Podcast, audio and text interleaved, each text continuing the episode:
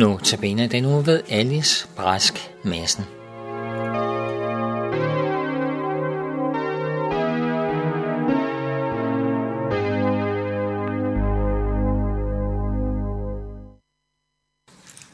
Vi skal nu se på den næste perle, ørkenperlen. Det er den sandfarvede perle i Kristuskransen.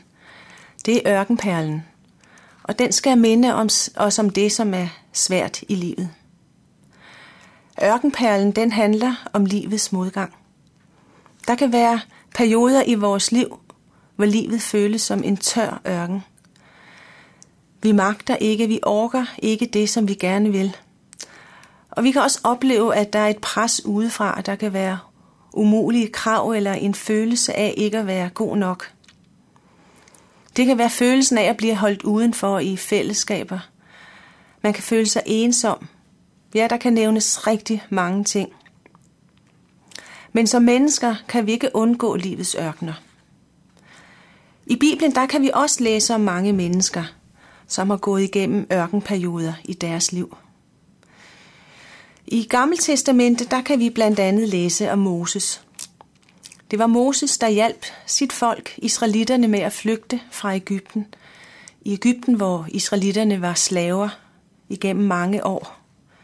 De havde et rigtig hårdt liv der, øh, og arbejdede, og det var hårdt for dem. Men Moses, øh, Gud brugte Moses til at få dem ud af Ægypten.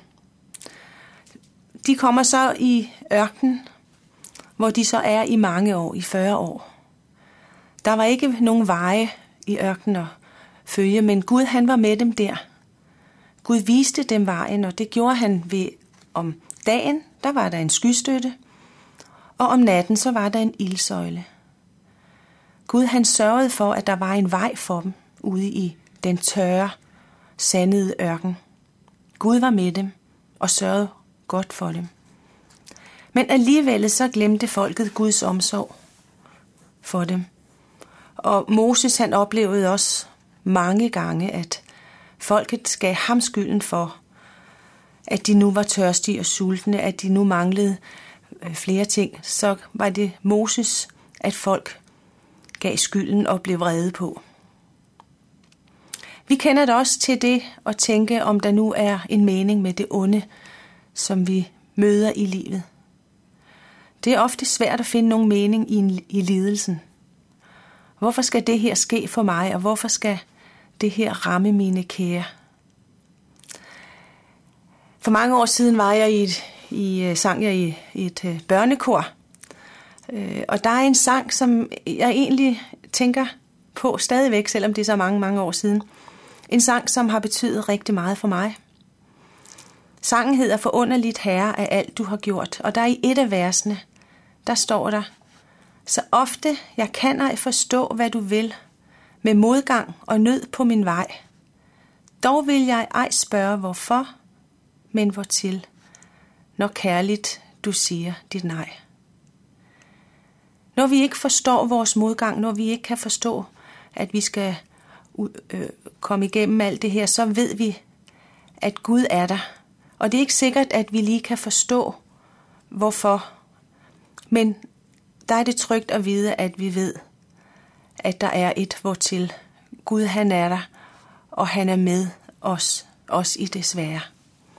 Også når Gud siger et nej, når vi beder om noget, og Gud siger nej, så er det fordi, at Gud han ser meget længere, end jeg gør. Det kan være svært at finde en mening, når vi er i det svære, i det ørken.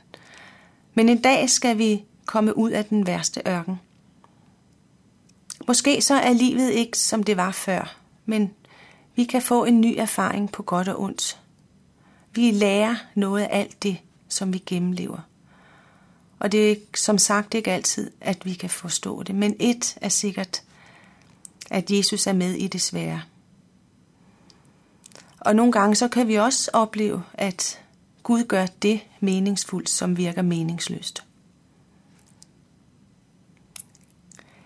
Ved siden af ørkenperlen i Kristuskransen, der er der en anden perle. Det er en himmelblå perle. Og det er bekymringsløshedsperlen. Og denne himmelblå perle, den skal minde os om at, at nyde det liv, som Gud har givet os. Derfor er det også så godt, at den sidder ved siden af ørkenperlen. For sådan er livet jo. Vi har vores ørkenperioder, men vi har også perioder, hvor, hvor vi glæder os over at være til. Livet er nemlig ikke kun modgang og ørken. Nej, på den anden side af mørket, der er der et lys. Der findes lyset. En lille lysstribe i mørket kan ændre det mørke rum. En lille, et lille fyrfadslys i et mørkt rum kan lyse utrolig meget op.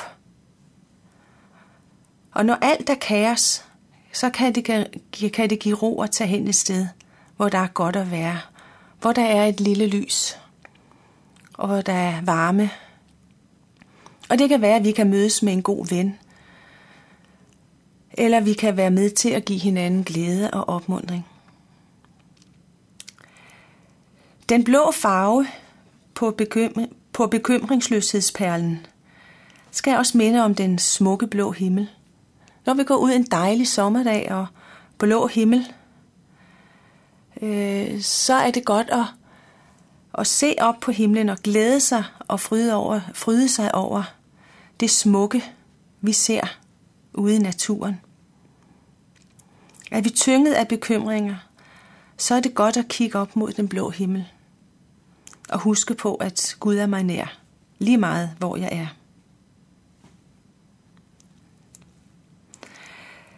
Det giver derfor mening, at der både er ørkenperle og bekymringsløshedsperle i Kristuskransen. Fordi vi netop har perioder med ørken og bekymringer, og så har vi vores perioder, hvor vi synes, at, at livet er dejligt. Og det med at bekymre sig, der har Gud også sagt til os, at vi, og Jesus sagt, at vi ikke skal bekymre os. Og derfor så vil jeg gerne læse nogle vers fra Matthæus evangeliet, og det er kapitel 6, vers 25 til 34. Og der står, og det er Jesus, der siger til os, og derfor siger jeg jer, vær ikke bekymret for jeres liv, hvordan I får noget at spise og drikke, eller for hvordan I får tøj på kroppen.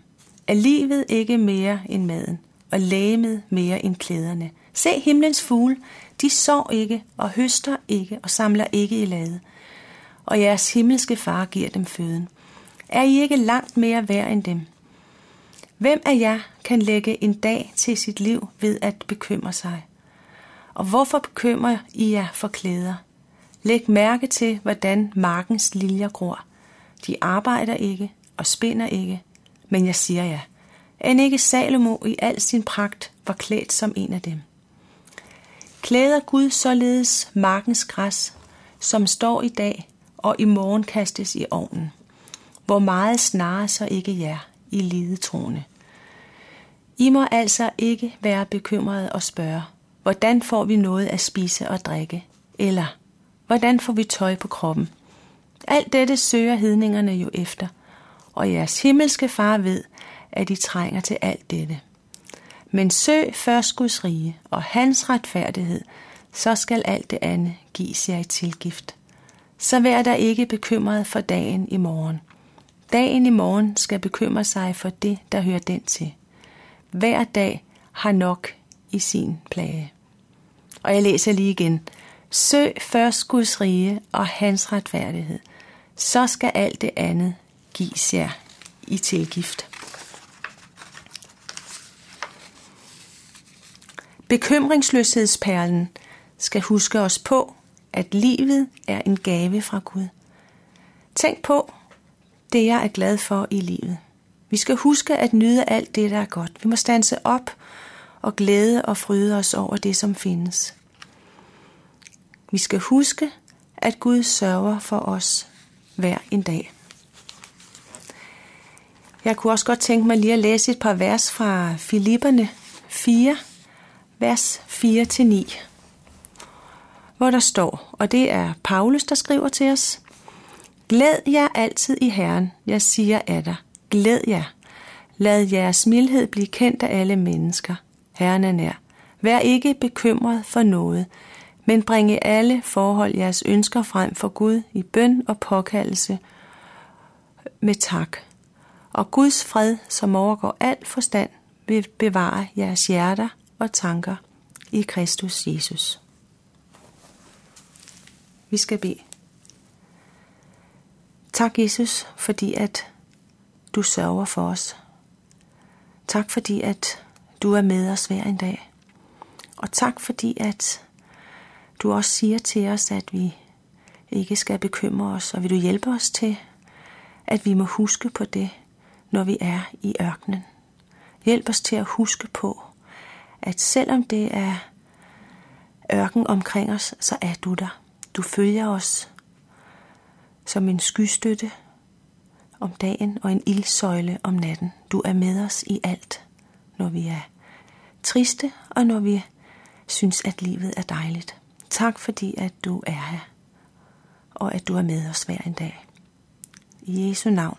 Amen.